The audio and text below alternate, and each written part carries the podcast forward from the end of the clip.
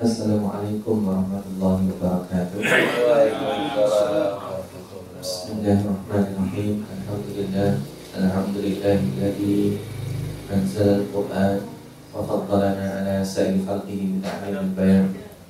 اللهم صل وسلم وبارك على سيدنا المصطفى سيدنا ومولانا محمد صلى الله عليه وسلم وعلى آله وأصحابه أجمعين. أما بعد. Kaum muslimin dan muslimat, bapak-bapak, ibu-ibu, para pemirsa di mana pun anda berada, para pendengar, sahabat Radio El Nuri, uh, kita bersyukur kepada Allah Subhanahu Wa Taala pagi hari ini kembali dipertemukan oleh Allah Subhanahu Wa Taala bulan Rajab yang sudah melewati tengah bulan kita berharap mudah-mudahan detik-detik menjelang datangnya bulan Ramadan Allah makin memberkahi hidup kita. Kita disampaikan pada bulan Ramadan dalam keadaan yang baik, sehat walafiat, lahir dan batin Allah Masih melanjutkan halaqah tadabur Al-Quran kita. Pada halaqah yang ke-73 ini Bismillah ta'ala Kita akan tadaburi ayat 174 hingga 180 melanjutkan pada pertemuan sebelumnya yaitu yang berkisah tentang orang-orang yang nantinya diberikan nikmat oleh Allah taala di hari akhir. Yang mereka di dunia adalah orang-orang yang uh, teridentifikasi sebagai orang yang diteror teridentifikasi sebagai orang yang mungkin dianggap sebagai orang yang takut tetapi sesungguhnya mereka adalah orang-orang yang kuat. Di ayat yang terakhir ketika mereka dikatakan bahwa semua orang itu menginginkan tidak menginginkan Anda berhasil. Semua orang menginginkan Anda seperti ini yang kesannya adalah negatif. Maka udahlah give up saja, menyerah saja. Tetapi itu yang kemudian menjadikan mereka sungguh kuat. Karena dalam hidup ini jika orang sudah merasa ada tantangan justru tantangan itu yang orang lain lihat sebagai hal yang negatif bisa dimanfaatkan sebagai pemicu seseorang untuk bersatu, seseorang untuk menjadi kuat. Motivasi ini juga ketika seseorang merasa tidak aman, itu dia akan meraih hal-hal yang sebaliknya. Apalagi jika perspektifnya itu benar. Maka nantinya kalau di dalam surat Quraisy itu Allah uh, memerintahkan falyabudu rabbah hadzal bait itu ada dua komponen dasar alladzi at'amahum min ju'in wa amanahum min ada keamanan di situ. Nah, di sini dimensi yang kita bahas sekarang pada ayat ini nanti adalah dimensi yang ke depan. Ketika Allah SWT memberitahu pada kita, A'udzu billahi minasyaitonir rajim, fanqalabu bi ni'matin minallahi wa fadlin lam yamsashum su'un fattaba'u ridwanallahi wallahu fadlin 'azim. Jadi mereka nanti di hari akhirat. Maqalabu. Maqalabu ini mengatakan Kalau inkilab itu kan kudeta. Inqalaba itu terbalik dengan keras. Jadi mereka mengira orang-orang selama ini Mungkin kalau kita kondisi umat Islam sekarang itu tepat ya kita di mana pun berada kalau ada peristiwa uh, apa kekerasan itu hampir bisa dipastikan mata-mata orang itu menuduh umat Islam sebagai pelaku. Jadi yang terjadi justru sebenarnya sebaliknya. Dengan itu kita disuruh supaya kita tidak menampakkan keislaman. Dengan itu kita disuruh supaya kita lebih terkesan uh, udahlah mengalah saja kalau ditindas, tidak usah membela hak-hakmu saja. Kalau ditolimi udah diam saja. Sebenarnya mereka adalah orang-orang seperti ini. Fangqalabu akan terbalik perkiraan orang. Ini mati min Allah akan mendapat nikmat dari Allah. Yang itu di sini karena kata binikmatin, nakiroh di sini itu unlimited. Jadi nikmat yang diberikan kepada mereka luar biasa. Saat orang diteror, kemudian orang tersebut terhubung kepada Allah Subhanahu wa taala, maka tidak sanggup orang bisa meneror dia. Itu dialami oleh sahabat Habab bin Adi ketika hendak disalib. dia dibunuh dengan cara disalib itu sahabat yang pertama kali disalib dia dikatakan Abu Sufyan pada waktu itu masih musyrik ya bagaimana kalau seandainya sekarang Muhammad yang menggantikan posisimu di situ Ubay bin Adi yang tadinya mungkin terkesan lemah udah mau dieksekusi langsung dia marah dia jangankan Muhammad berada di tiang gantungan ini di tiang salib ini seandainya ada satu duri yang mengganggu kaki salah satu kakinya maka saya tidak rela. Artinya kecintaan sahabat kepada Nabi Muhammad SAW ini yang membuat sesuatu yang tidak masuk akal bagi mereka. Nah, itu yang di antara disebut bini mati minallah. Kita melihat ada orang-orang, mungkin gampangannya begini bapak kalau di jalan melihat ada orang di tengah terik matahari bisa tidur pulas. Panas sekali di atas pasir-pasir yang panas. Padahal orang ini kelelahan sehingga saking lelahnya dia perlu beristirahat di mana pun berada. Sementara di sana ada orang yang punya spring bed, rumahnya dikawal, banyak fasilitas, tetapi nggak bisa tidur juga. Nah, maka orang-orang itu yang mendapatkan kenikmatan maka di luar perkiraan. Yang kedua, wafadlin fadl. Fadl itu. Kalau riba ada jenis riba duanya. Yang pertama riba nasi'ah itu riba yang banyak dipraktekkan ditambah waktu makin tambah bunganya. Kalau riba fadl itu kelebihan. Maka di sini lam yang su sebenarnya mereka tidak tersentuh. Su di sini ada yang mengartikan pembunuhan. Contohnya begini. Di sini kalau ada orang yang macam-macam akan saya bunuh misalnya. Ada orang mengancam demikian. Sehingga di, di harapkan orang-orang di sini tidak ada lagi yang sholat misalnya. Ternyata tetap ada yang sholat dan makin banyak yang sholat. Itu ancaman tersebut akan berbalik, justru membuat orang yang mengancam menjadi uh, apa kedon. Nah ini lam yang sasumsu bahasa mereka di sini yang lam yang sasum ketika mereka kuat maka Allah swt menambah kekuatan itu. Wattabi'u ridwan Allah. Wattabi'u di sini ada hal yang mahdud ya, yang terhapus ya. Wattabu mereka mengikuti jalan. Ya. Jalan menuju ridha Allah subhanahu wa ta'ala. Jalan menuju ridha Allah itu Ada yang disenangi, ada yang tidak disenangi. Ada yang terlihat baik, ada yang terlihat tidak baik. Jadi beribadah kepada Allah itu Fil mansyat wal makrah Makanya ada ciri-ciri orang bertakwa dalam surat Ali Imran yang hari kita bahas. Alladzina yunfikuna fis sarra'i wat Dalam keadaan dia minimal sekalipun dia sanggup berbuat baik. Maka di sini wattabau ridwanallah dia mencari keridhaan Allah Subhanahu wa taala jalan yang dimaksud. Wallahu dzufadlin azim Allah memiliki karunia kelebihan yang sangat banyak. Maka umat Islam ini punya yang disebut dengan qanaah rasa menerima yang tidak dimiliki oleh orang-orang yang materialistik. Ya ada seseorang secara materialistik seperti itu tapi ternyata bisa ya orang itu hidup kayak gitu. Nah itu kelebihan yang Allah berikan. Karena dalam kacamata materialistik hitung-hitungan dia adalah hitung-hitungan materi.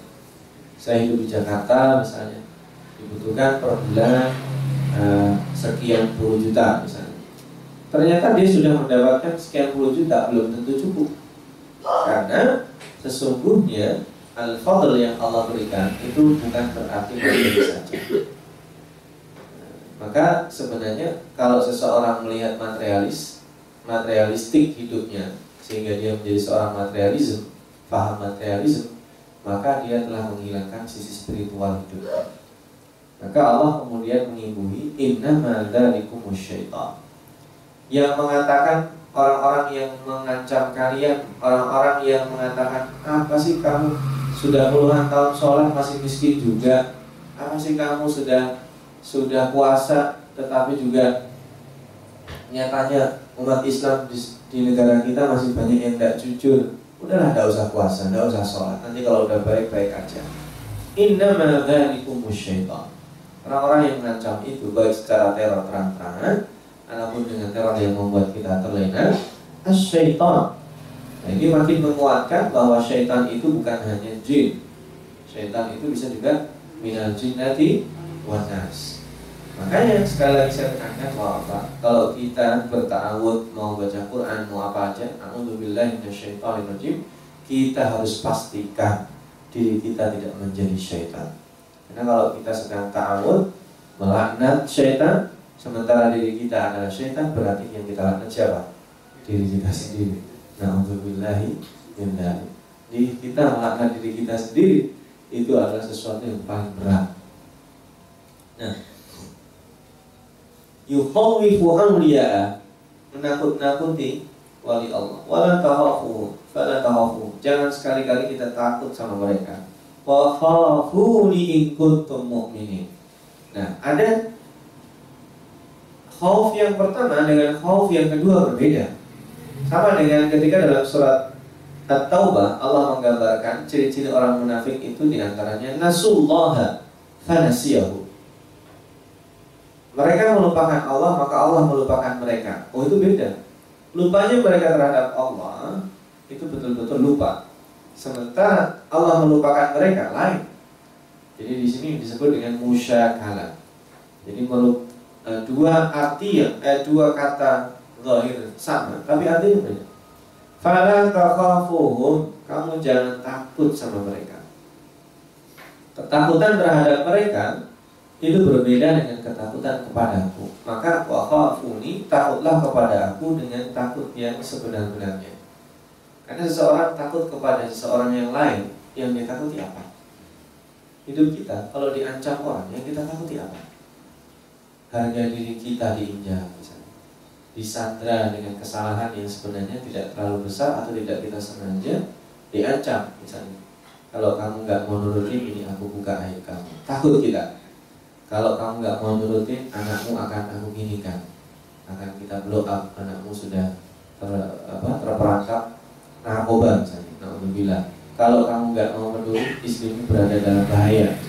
Orang merasa ancaman itu adalah membuat seseorang tidak berkutik.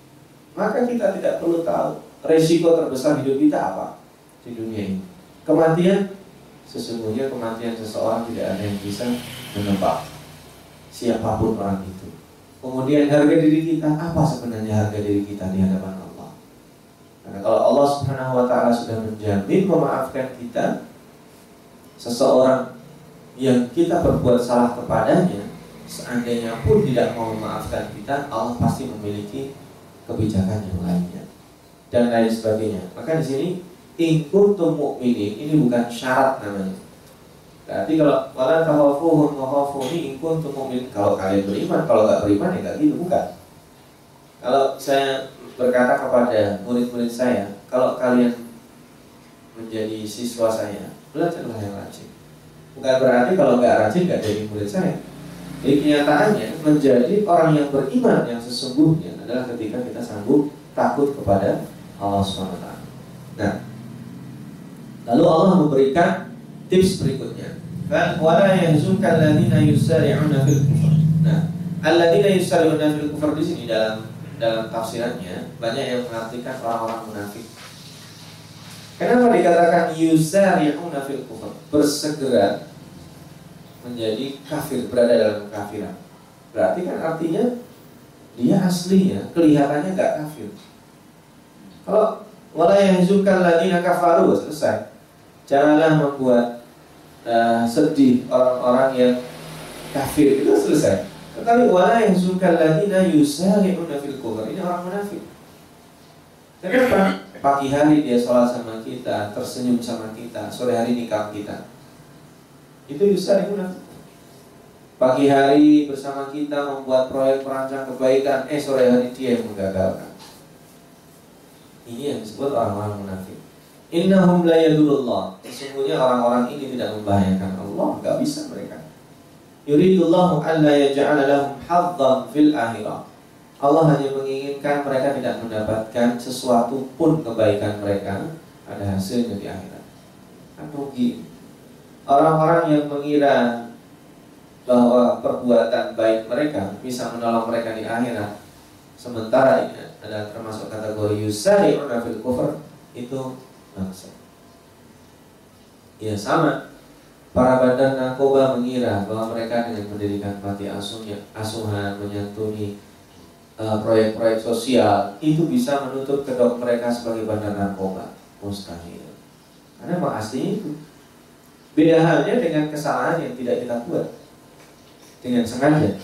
Atau disengaja tetapi kita lemah yang sebenarnya kita tidak musir sebenarnya dalam manajemen dosa. Dosa itu perlu di manage karena kesalahan kalau tidak kita manage kita menjadi liar menyerah dengan kesalahan seseorang melakukan kesalahan kecil tapi liar, maka dia akan menyerah dengan kesalahan itu.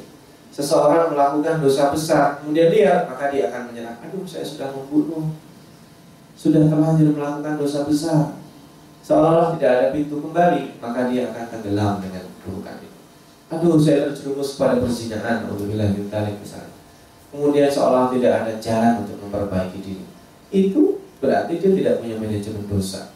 Dosa harus dimanage.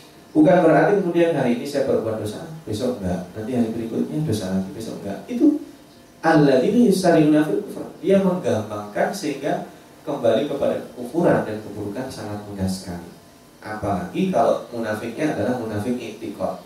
Itu bisa termasuk kategori fitar kil asfali minana. Walahum azabun azim jelas mereka akan mendapat azab yang besar. Innalladzina ishtarawul kufra Orang-orang yang membeli, mengganti, mengambil kekafiran bil iman. Jadi iman itu dijual, diganti. Tapi yang menarik di sini bahasanya syirah itu membeli. Allah ingin supaya kita memvisualisasikan ini. Saya sedang membeli kekafiran. Artinya ada yang saya bayar. Ya kan ya? Si A dia punya yang saya istal. Berarti saya bayar dengan apa? Dengan iman. Orang-orang yang seperti ini la yadullah saya maksudnya apa? Saya punya hal yang mahal itu saya gantikan saya berikan kepada orang lain kan itu kan jual beli kan gitu kan. Kalau kita bayarnya dengan uang uang itu mau kita cintai kayak apa? Kalau kita udah lepas diganti dengan barang yang kita beli itu menandakan bahwa yang kita ambil itu lebih berharga dari yang kita lepas. Punya uang 100 ribu baru lagi dapat gajian hari ini misalnya. Dia lepas yang dia beli itu lebih berharga bagi dia dengan yang apa aja jenis makanan kemudian baju uh, pulsa apa aja Begitu dia lepas uangnya menandakan yang dia beli itu lebih berharga. Allah ingin kita memvisualisasikan, memvisualisasikan seolah-olah kekafiran yang tadi yusariuna itu lebih berharga dari iman yang Allah sudah berikan kepadanya. Makanya di sini dikatakan, nah ini Allah. Orang ini sama sekali tidak memberikan motor kepada umat Islam, apalagi kepada Allah. Kenapa? Mereka akan mendapatkan pun alim ini di sini. Yang pertama azim, yang kedua alim. Azim itu besar. Ibarat orang dihukum di penjara, difonisnya dengan fonis maksimal. Itu azim. Alim itu menyakiti. Alim itu baik menyakiti fisik ataupun menyakiti non fisik. Nah, kan nanti digambarkan ya siksaan ahli neraka itu mereka ditarik ubun-ubunnya. Ya, kalau kita apa sini pak, ya dipegang, digelandang tangannya ditarik. Itu aja sudah hatinya sakit. Oh saya dosa apa ini? Apalagi ini digelandangnya dengan ubun-ubunnya. Ditarik. Jadi eh, ketika nanti orang-orang disiksa itu yang sakit sebenarnya bukan hanya fisiknya.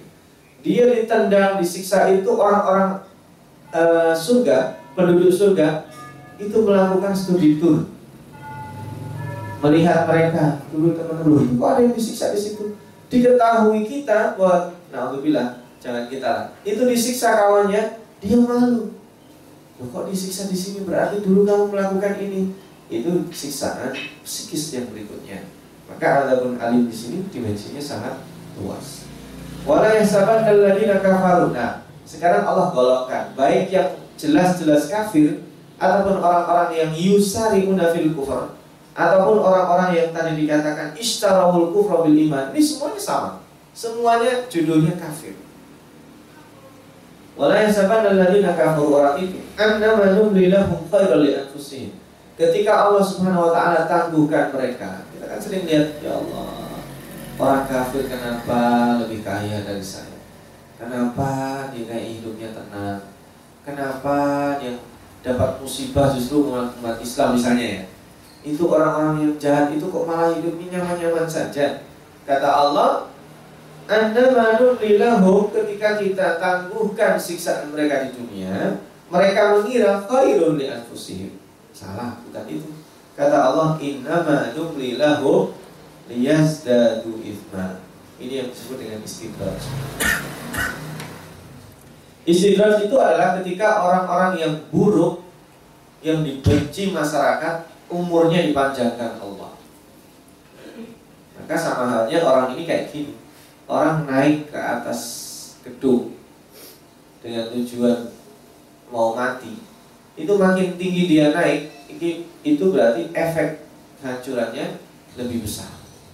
Kalau orang baru naik tingkat satu dia jatuh mati mati pun mungkin jasadnya masih utuh tapi coba ketika dia naik di gedung lantai misalkan 60 kemudian dia terjun bunuh diri dari sana atau dibunuh dari sana maka ketika sampai ke bawah hampir bisa dipastikan itu efek dahsyat luar biasa. Maka ini sana start dari juhud. Kata Allah, Allah buat istidraj kepada mereka. Diperpanjang waktu mereka supaya nanti efek mendapatkan adabun azim dan adabun alimnya itu lebih dahsyat juga.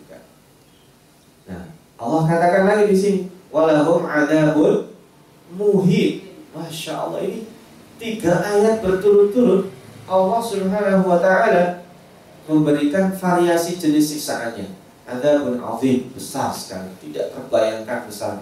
Siksaan apa yang kita bisa bayangkan di dunia ini tidak tidak mungkin bisa melebihi ada pun azim. Orang dipenggal, orang dikelebing, orang dibakar. Itu siksaan kita di dunia kayak gitu, gak ada apa-apanya. Belum bisa menandingi siksaan Allah di akhirat. Anda pun alim, menyakitkan. Orang di dunia sakit paling banter habis sakit mati. Di akhirat gak bisa Ulama nadijat juluduhum badalnahum juludan ghairaha. Kalau sudah sakit, kulitnya habis, Allah tumbuhkan lagi kulitnya untuk merasakan sakit. Karena yang merasakan sakit itu kulit. Orang kalau kulitnya udah nggak ada, itu nggak sakit di dunia. Tapi nanti di akhirat kulitnya dimunculkan lagi, sakit lagi itu alif. Ditambah lagi ada bul Itu adab yang menghinakan harga dirinya sudah tidak berharga. Loh, ini dulu kan presiden, ini dulu kan gubernur, ini dulu kan seorang uh, pemuka masyarakat, ini seorang yang dihormati. Kok disiksa seperti ini? Terbuka kedoknya. Itu muhim, menghinakan mereka. Maka Allah katakan, "Maka Allahu liyadaral mu'minin ala ma antum alaih." Allah sekali-kali tidak pernah membiarkan orang-orang yang beriman pada kondisi yang ah di sini ini kalau bapak-bapak jenis dalam bahasa Arab disebut dengan uslub iltifat coba kita baca sekali lagi maka Allahu daral mu'minin ini disebut dengan gaya bahasa ketiga Allah tidak membiarkan orang-orang yang beriman Kenapa Allah tidak katakan Allah tidak membiarkanmu karena supaya kita dalam otak kita, kalau kita beriman, tidak mungkin dibiarkan Allah. Jadi imannya di situ yang ditekankan. Nah, baru kemudian Allah katakan alama antum alai. Harusnya kan alama alamahu mereka. Tetapi kalian itu supaya efek dahsyat kita pada saat terjadi musibah, kita diteror, kita ditekan. Ayat ini sangat tepat sekali. Kebersamaan kita bersama Allah itu betul-betul terasa. Ia karena na'bud wa iya karena nasta'in. Seseorang kalau dalam musibah, dalam kondisi luar biasa dahsyatnya. Dia baca Al-Fatihah dalam sholat itu dia bisa tidak melanjutkan kecuali diulang-ulang iya karena aku wa iya karena stain baca lagi lagi iya karena aku wa iya karena stain karena kita menghadirkan Allah. Alama antum alai Allah berbicara langsung sama kita. Orang yang beriman tidak akan dibiarkan Allah. Alama antum alai Kondisi kalian saat ini kan tertindas. Ya. Hatta yamizallahu al-khabith Hatta yamizal khabitha minat tayyib. Nah Allah dulu kan yang buruk. Harusnya yamis itu kan Mayyaza Allah yang diistimewakan Allah biasanya yang baik. Orang di di kelas itu ranking satu satu itu yang dimaksud yang terbaik. Tidak ada istilah e, di kelas ini yang ranking yang paling buruk adalah si A. Ranking buruk kedua adalah si B. Tidak ada itu. Tidak ada namanya kompetisi apa pun di dunia ini itu yang di ranking paling buruk itu disebut duluan tidak ada. Dalam balapan Formula 1 misalnya. Pesertanya ada 12 disebut ranking 12 atau yang terbaik dari belakang A. Yang terbaik ter, ter, terburuk dari belakang nomor 2 B. Pasti yang disebut adalah juaranya yang terbaik kan? Tetapi apa maksud Allah di sini? Hatta yamizal khabith. Mengistimewakan ini sama dengan surat Yasin yang sering kita baca. Wamtazul yauma Loh, kok ayuhal mujrimun harusnya yang diistimewakan itu kan ayuhal mu'minun ya kan? Ayyuhal muttaqun tapi waqtazul yawma ayyuhal mujrimun. Karena ini tadi judulnya kan istidraj. Orang disambut. Dia udah kira akan dimuliakan Allah ternyata dijeblosin ke neraka. Wah itu sakitnya luar biasa. Jadi itu disebut dengan liyamizal khabitha minat tayyib orang sampai sebelum dia difonis oleh Allah itu masih mengira dia orang baik, oh, dia dermawan, setiap hari kasih kita uang. Oh dia dulu dalam pembangunan musola nyumbang kok. Gak mungkin ini orang jahat. Belum tahu. Tapi ketika Allah jatuhkan hukuman, oh ternyata itu semuanya topeng. Aslinya dia itu jahat. Ternyata Yusa itu kufur. Makanya orang munafik itu ini tetap di setiap hampir di setiap pembahasan Al-Quran ketika orang membahas, Allah membahas innalladzina kafaru orang-orang yang kafir itu kafir dalam bentuk globalnya. Nanti yang paling berbahaya itu adalah yusar yang munafil kufur atau orang-orang yang menyembunyikan kekufuran mereka. Maka sebenarnya orang munafik itu bahayanya lebih dahsyat daripada orang-orang yang jelas-jelas kafir. Baik dalam ini efeknya pada diri mereka ataupun secara sosial. Lihat saja jatuhnya Baghdad. Siapa yang menyebabkan itu? Jatuhnya Baghdad itu kan karena ada pengkhianatan dinasti Buwaihiyah yang mereka mengaku umat Islam. Umat Islam itu kan dinasti Buwaihiyah aliran mayoritasnya adalah Syiah Isna Syariah.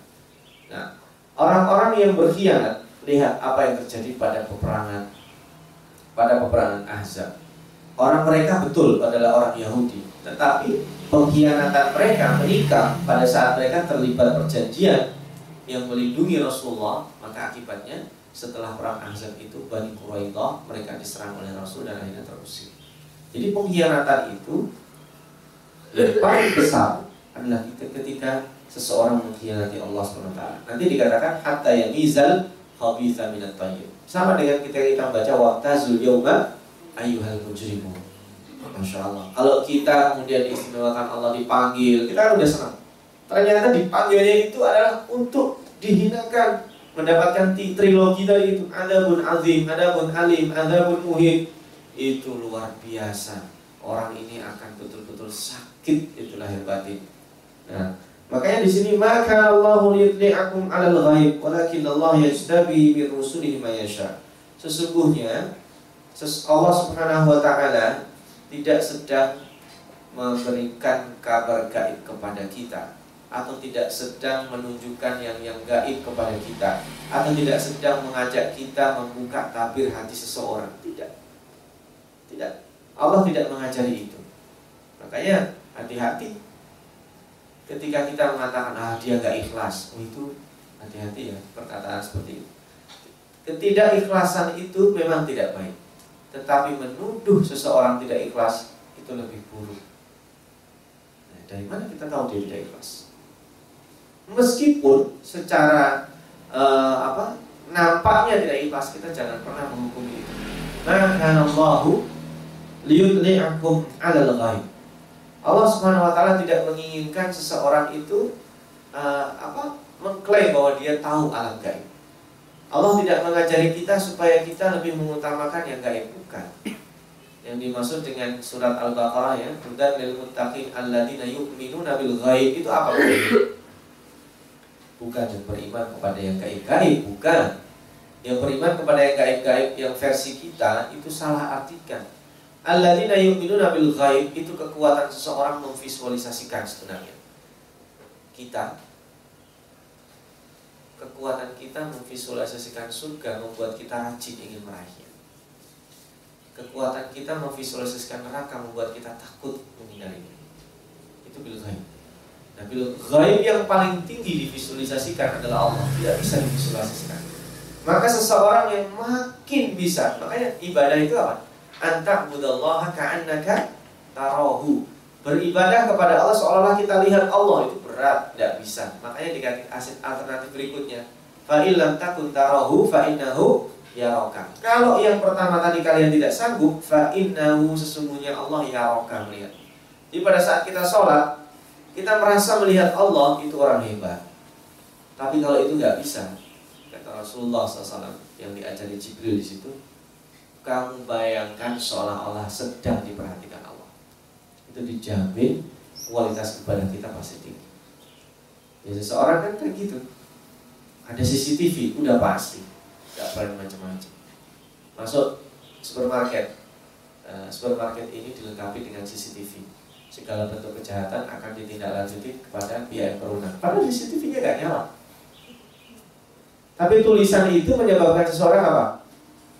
Takut. Sama sebenarnya ketika uh, Allah mengajarkan kita bukan mengajarkan kita untuk apa uh, ingin ingin uh, melebihi sesuatu yang gaib. Mengajarkan kita yang gaib dibuka oleh Allah Subhanahu wa taala tapi gaibnya. Bukan. Tetapi kembali kepada tadi hatta yamizal khabitha min at-tayyib yamiza di sini dipilih-pilih untuk ditinggalkan. Kan? Kalau kita sedang ibu-ibu sedang masak beras itu kan yang dipilih dipilih apa? Yang baik atau yang buruk? Yang buruk untuk apa dibuang. Untuk dibuang. Ada kalanya dalam hidup kita yang dipilih itu adalah yang yang buruk. Bukan dipilih untuk dimuliakan tapi untuk dibuang. Bisa? Kita jual barang-barang. Kita pilih untuk dijual. Tapi kalau itu posisi yang baik lebih banyak ya berarti yang dipilih itu apa? Yang buruk.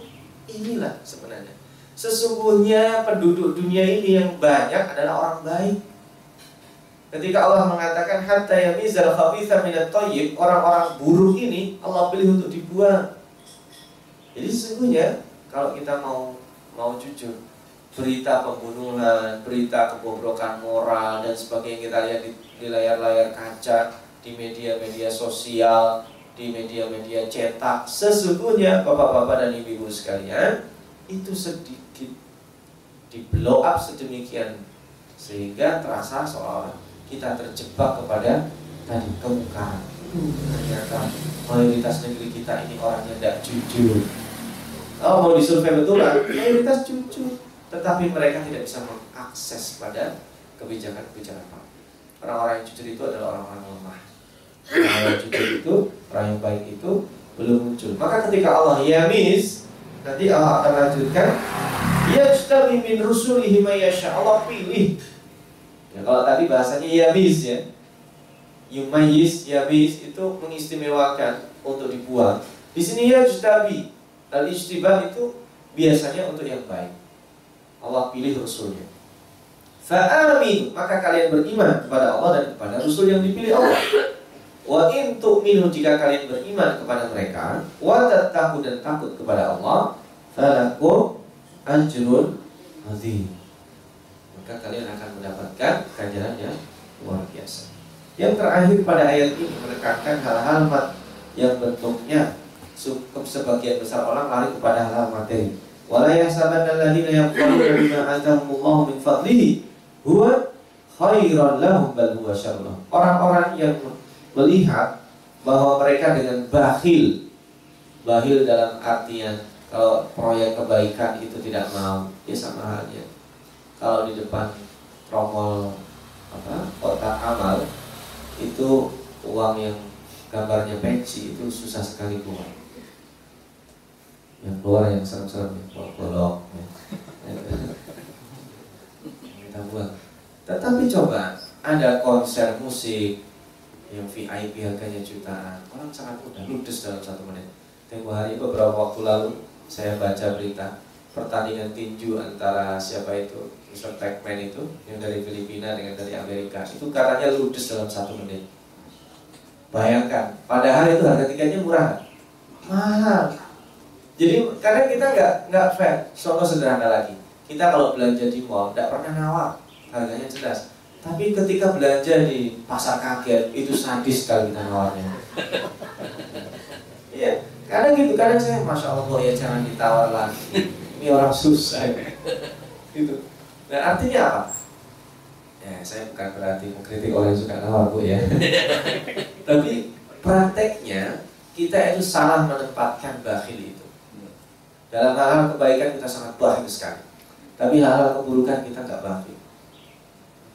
Wah, ada biskop sudah rilis ini. Wah, cepat-cepat kita. Padahal harganya mahal itu 50 ribu ya. 40 ribu, ada yang 60 ribu. Tapi begitu ada tagihan uh, infak apa, komitmen kita yang cuma 10 ribu per bulan. Uh, bulan depan saja ya. Nah, kita menempatkan orang-orang yang baik. Ini secara umum ya, saya tidak menggambarkan itu saja. Lebih banyak dari itu, orang-orang yang baik mengira bahwa itu adalah kebaikan. Baik dua syahullah maka kebaikan jangan pernah kita tunda-tunda apa-apa. Nah, kita dapat uh, uh, apa yang punya profesi begitu masuk akhir bulan sudah masuk awal bulan segera potong dua setengah itu zakat profesinya. Begitu kita punya kelebihan segera ingat ini ada yang disisihkan. Kalau tidak nanti Allah akan tegur. Nah, entah kita sakit, entah nanti kecelakaan, entah apa yang mengakibatkan uangnya akhirnya keluar juga tetapi keluarnya itu berbeda pada saat kita keluar dengan pilihan kita.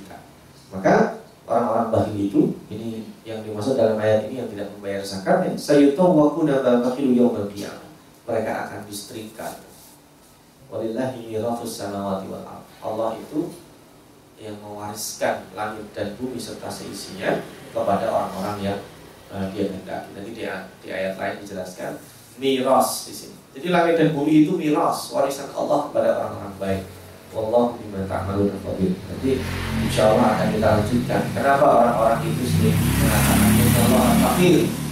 Orang orangnya lihat orang-orang yang paling miskin di dunia ini kebanyakan negara-negara miskin itu negara Islam atau negara non Muslim. Orang sering mengatakan gitu. Kalau dikatakan Islam itu kedamaian sekarang berpolemik paling banyak itu di mana? Di negara-negara Islam. Itu alasan mereka mengatakan menandakan Allah itu bukan damai, Allah itu fakir keterbelakangan. Nah itu insya Allah bila taala kita akan lanjutkan perkataan seperti itu. Bagaimana cara Allah Subhanahu Wa Taala uh, ingin menampilkan yang sesungguhnya supaya apa pun yang terjadi proses tadi ketika yang dipilih oleh Allah yang baik kita berharap kita yang dipilih meskipun kita tidak termasuk rasulnya tapi ketika yang dipilih Allah adalah orang-orang yang khabir kita berharap ya Allah jangan saya yang dipilih diistimewakan pada ayat tersebut ini yang bisa kita tadaburi mudah-mudahan kita termasuk pada ayat-ayat yang tadi dibahas di awal-awal fa'alamu kita dikira sengsara ternyata kita bahagia kita dikira terteror ternyata tidak bermanfaat teror itu pada kita itu dan kita sekali berdoa mudah-mudahan keberkahan yang Allah turunkan di bulan Rajab ini berkelanjutan di bulan Syakban dan kita dipertemukan dengan bulan Ramadan. Aku qauli hada, jazakumullahu khairan. Mohon maaf atas segala والسلام عليكم ورحمة الله وبركاته.